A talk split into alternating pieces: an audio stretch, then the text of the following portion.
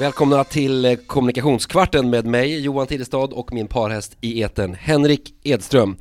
Henrik, eh, idag tycker jag vi skippar allt introsnack och går direkt på kakan. Vi har en gäst med oss idag, eller hur? Ja, det har vi. Vad kul!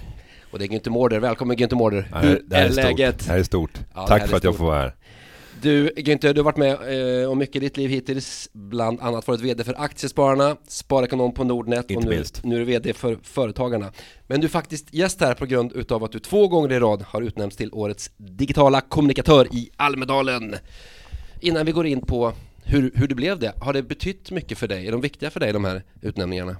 Nej, jag, ni vet ju att jag är en tävlingsmänniska av, Mm. av rang, så det är klart att det betyder någonting. Och särskilt när man kan gå upp en andra gång och plocka hem priset, det nyinstiftade priset ska vi säga. Så ingen annan människa på, på jorden har ju vunnit årets digitala kommunikatör i Sverige.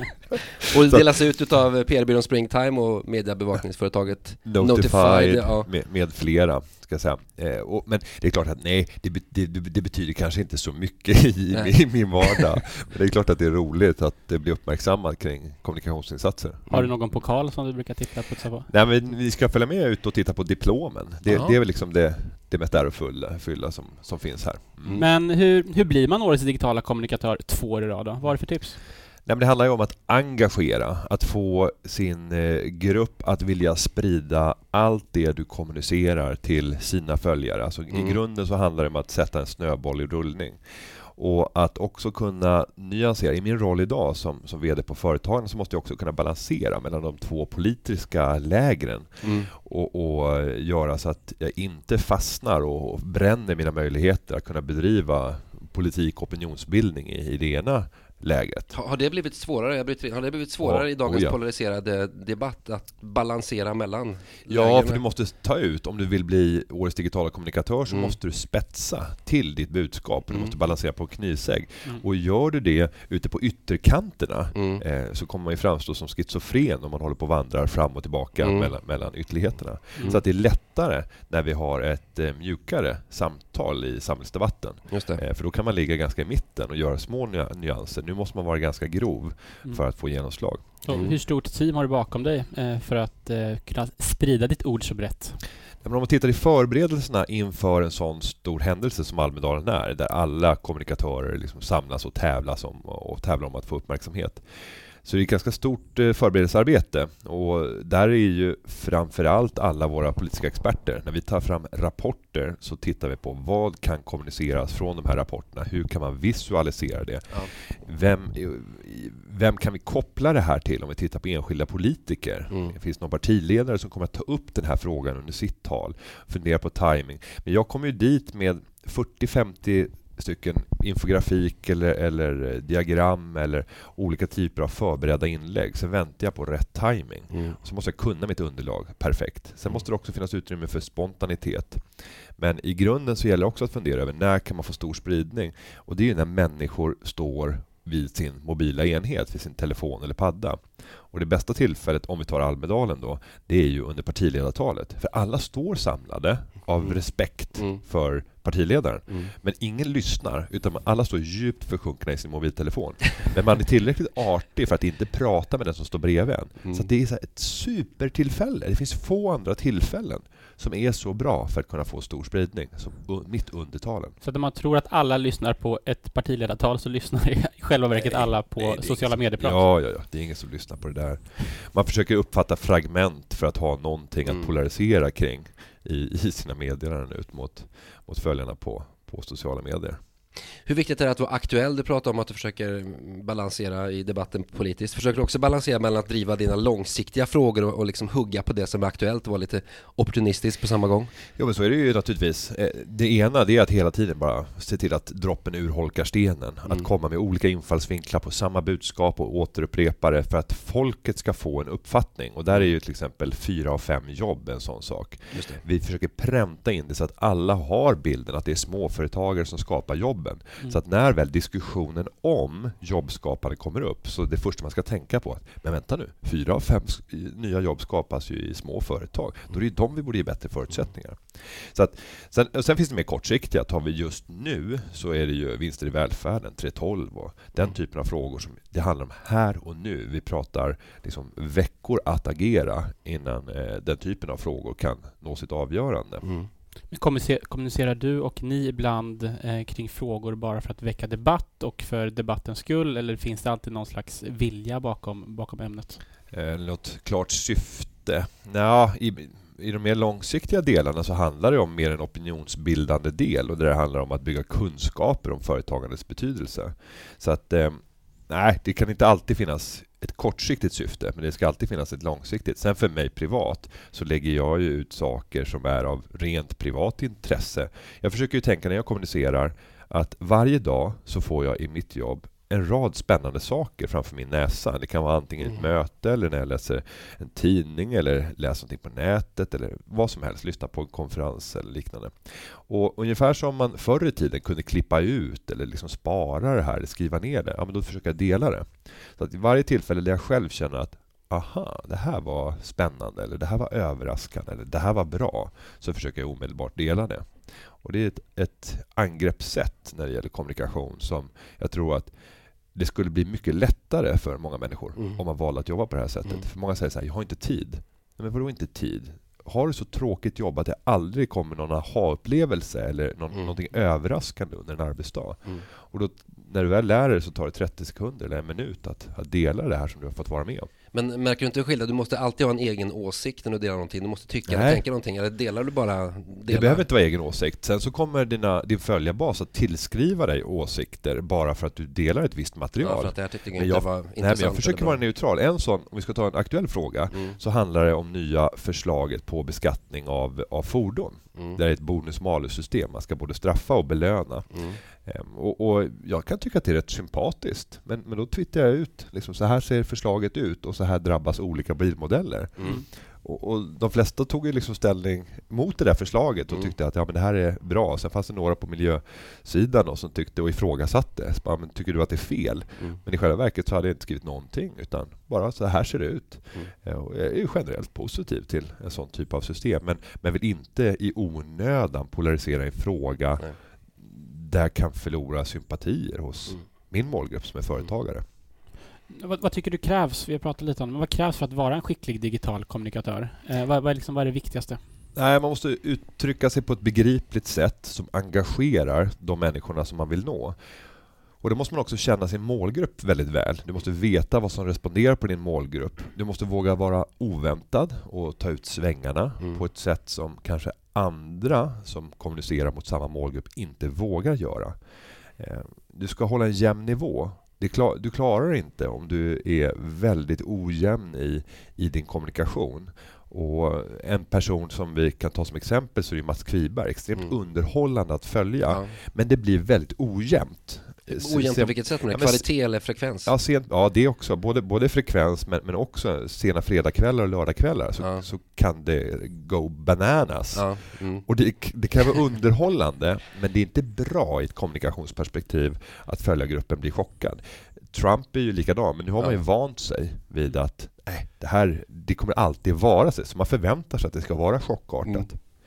Sen så ska man också visa uppskattning och bekräfta. Du kan inte bygga en stor följarbas utan att bekräfta dem, att bygga ambassadörer.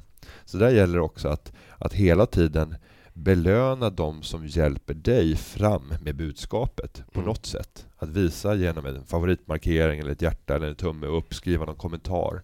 Eh, göra någonting oväntat så att Mm. de vill fortsätta göra det här arbetet. Mm. Men du har haft en väldigt medveten strategi för att nå upp i ganska många följare i olika kanaler. Ja, eller den medvetna strategin är snarare att jag ska uppåt, alltså tävlingsmänniskan i mig. Och så använder man statistikverktyg för att hela tiden avläsa vad det är som funkar, vad det är som inte funkar. Och jag har ju aldrig gått på någon kurs, jag har aldrig liksom fått någon typ av utbildning i det här. Men jag brukar säga att statistikverktygen, det är din bästa lärare. För Mm. de ljuger aldrig. Eh, Det är väldigt krasst. Du kan se på direkten när du gör ett inlägg i sociala medier efter två, tre minuter vilket genomslag det här kommer att få. Mm. Ta Twitter som ett exempel då, som en av dina främsta kanaler. Hur jobbar du? Du lägger upp ett inlägg och sen så går du in på analysverktyget inom ett 5-10 minuter Ja, och titta, om, om jag stod i begrepp att välja mellan två olika tonaliteter eller två olika ingångar i frågan så Mm. testa med den jag tror är bra. Och så har jag satt upp en målbild där jag kanske vill ha en engagement rate över 8% och det är Mm. en hygglig. Ska man upp eh, på en riktigt bra så är det 20-25%. Men då kanske jag har satt upp ett mål att jag vill nå 8%. Har jag inte gjort det inom 3-4 minuter då, då väljer jag kanske att ta bort den för att sen lägga ut den andra. Så Att du gör A och B-testning man i realtid. Ja, fast i sociala Fast- medier. Aha. Och eh, då kanske man såg att den andra var faktiskt till och med ännu sämre. Ja, men då Mm. går jag tillbaka till A-versionen, försöker slipa på något sätt i den och sen så skjuta ut den. Och, och sen kan jag låta den bero då, om den är, även om den inte når målet. Så Mm. att det är inte så att jag rensar bort allting. Då, då accepterar du att det var inte mer intressant än så? Nej, utan då gäller det bara att gå vidare i livet. Det, det är lite, Även fast det smärtar? Ja, det är lite som en, som en skilsmässa eller man har blivit av med jobbet. Det är liksom bara att gå Blicka vidare. framåt, blicka framåt. Mm. Men vilka, vilka kanaler använder du? Eh, ja, Twitter är ju tveklöst störst. LinkedIn märker jag svarar allt bättre. Det, bör, det formatet börjar växa och det är fortfarande väldigt seriöst eh, i någon mening. Facebook kör jag naturligtvis inte så frekvent, även om det är en sån det är en väldigt viktig kanal och, och har en stor potential, framförallt mot gruppen företagare, för de finns inte på Twitter. Eh, när det gäller finans så är Twitter har ju kommit att bli väldigt starkt. Men det är lite grann finans, politik och kultureliten som kör Twitter fortfarande. Ja. Eh, Instagram, där försöker jag vara personlig, visa Mm. upp livet vid sidan av för att bli lite mänsklig också. Periscope kör jag i sändningar. Jag sänder ju både på Periscope, ja, på Youtube och på Facebook Live. Och där tycker jag fortfarande Youtube är bästa kanalen, även om det i antal visningar officiellt kommer alltid vara så att Facebook blir bäst. Men de fejkar med statistiken och det är jag rätt förbannad över att Facebook faktiskt inte redovisar antalet visade minuter och går in på detalj. Det handlar bara väl om att de- man scrollar förbi? Ja, ja och sen har det kommit igång och så blir det en visning. I Youtube så kan jag få en bra bild av hur ser tittandet ut? Hur, mycket, hur hög bounce rate är det när man bara kommer in och studsar och lämnar det? Mm. Nej, sen redovisar vi portföljen öppet på Shareville, eh, som bekant. Eh, och eh, det är ju en del också i de sociala medierna och Mm. den, den kommunikationen. Och sen eh, naturligtvis podcast då. Och sen kommer jag komma igång och blogga igen här också alldeles snart. Ja, just det, precis. Du Ja, jag var var väldigt populär på Nordnet-bloggen. Ja, jag har ju varit den. dålig på Nordnet-bloggen men jag la faktiskt ut mitt jultal Ja, eh, på, på, Vad Nordnet- roligt. på för hela nationen. Ja, Nej, och, och det var ju lite humor. Eh, för att jag gjorde ett tal där det var oklart om, eh, om eh, det var seriöst eller inte. Men folk verkade tycka att det här var seriöst menat. Men det var det egentligen inte. Men det är paketerat på ett sätt som man skulle kunna tro att det är helt seriöst. Du inte vi som känner dig, vi, vi vet ju att du är en spontan och extrovert människa. Går, går du för långt ibland på sociala medier? Absolut. Och vad, vad gör du då? Liksom? Raderar, ber om ursäkt, låter stå kvar eller hur hanterar du den situationen? Ja, du måste alltid stå beredd att ta konsekvenserna av din kommunikation. mm. Och eh, jag är inte den som bara backar undan, tar bort Nej. och låtsas som att det inte har hänt. Utan då går jag ofta ut och bemöter och förklarar varför blev det som det blev. Eh, och försöker nyansera vad det är jag vill säga. För det finns Mm. alltid motståndare som försöker påskriva dig egenskaper som Mm. du inte har, eller Mm. syften som du inte har. Mm. Då gäller det bara att stå upp mot det. Mm. Säga att jag tänker inte be om ursäkt för min mening, eh, för att du har missuppfattat den fel. Men Mm. jag får be om ursäkt för sättet som jag kommunicerat den Mm. på, om det är så att du har tagit emot den. Eh, och att du verkligen ärligt har gjort det. För det var inte syftet. Mm. Så du måste stå, våga stå upp. Och, och, men att ta bort, ja det, det händer. Men eh, då ska det vara helt fel och att jag märker själv att det här är ju så klantigt Mm. Sen, sena fredag, lördagskvällar? Ja, men jag försöker inte. Och sen så, jag menar, jag är småbarnsförälder så det, det är liksom inte någon, några problem de där kvällarna heller. Du var inne på Mats Kviberg på fredag och lördagskvällar. Vad- När du är i Almedalen, var sätter du själv gränsen? Är det ett glas vin, där slutar du kommunicera digitalt eller var Nej, nej, nej. nej. Eh, utan det är väl fram till, till tio kanske. Något sånt där. Sen, sen gillar jag att hålla Tio igång. glas vin? Ja, tio, ja, precis. ja, precis. Tio glas vin. Ja, men de, de är så snåla vet du, de här rosébägarna. ro- rosépokalerna. Nej, men det brukar inte vara något, något större problem. Men, men det viktiga är ju att man inte håller på och, och, skjuter ut saker som inte är relevant. Ja. Eh, och det är det som kan hända, att man helt plötsligt tycker att mitt liv är ju så fruktansvärt intressant så att här borde jag dela med andra. Och du kan läsa väldigt lite om, om mitt liv eh, som privatperson, Ja. men rätt mycket i mitt liv som yrkesverksam. Men, men man kan väl säga Almedalen är lite digitala, digitala medier på steroider. Eh, hur din digitala närvaro under resten av året, är den, försöker du ha en hög aktivitet under hela året i alla kanaler? Ja, aktiviteten under Almedalen är nästan inte högre. Det som, det som ökar det är livesändningar för att jag gör så många framträdanden. Mm.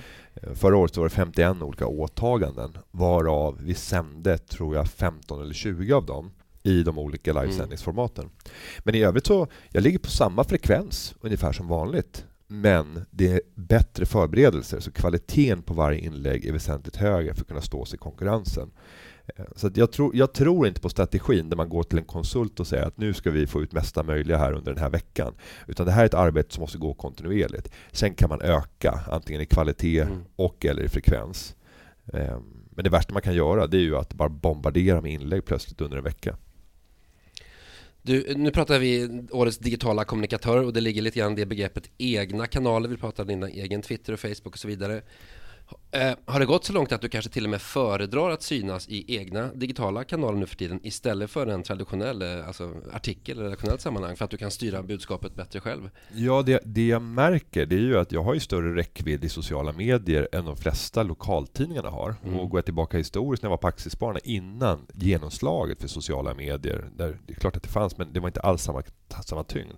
Eh, då var tidningarna mycket viktigare. Mm. Och nu kan jag välja att handplocka en tidning för att göra budskapet i. Sen skjuter jag ut den artikeln i sociala medier mm. så att många kommer att uppfatta det. Och Det gör att trots att jag har, om jag tittar mediamässigt, det sämsta kvartalet någonsin, eller inte någonsin, men sedan 2008. Mm. Jag har aldrig haft ett första kvartal som har varit så dåligt. Nu i år alltså? Ja, Aha. i antalet mediaklipp. Ah, okay.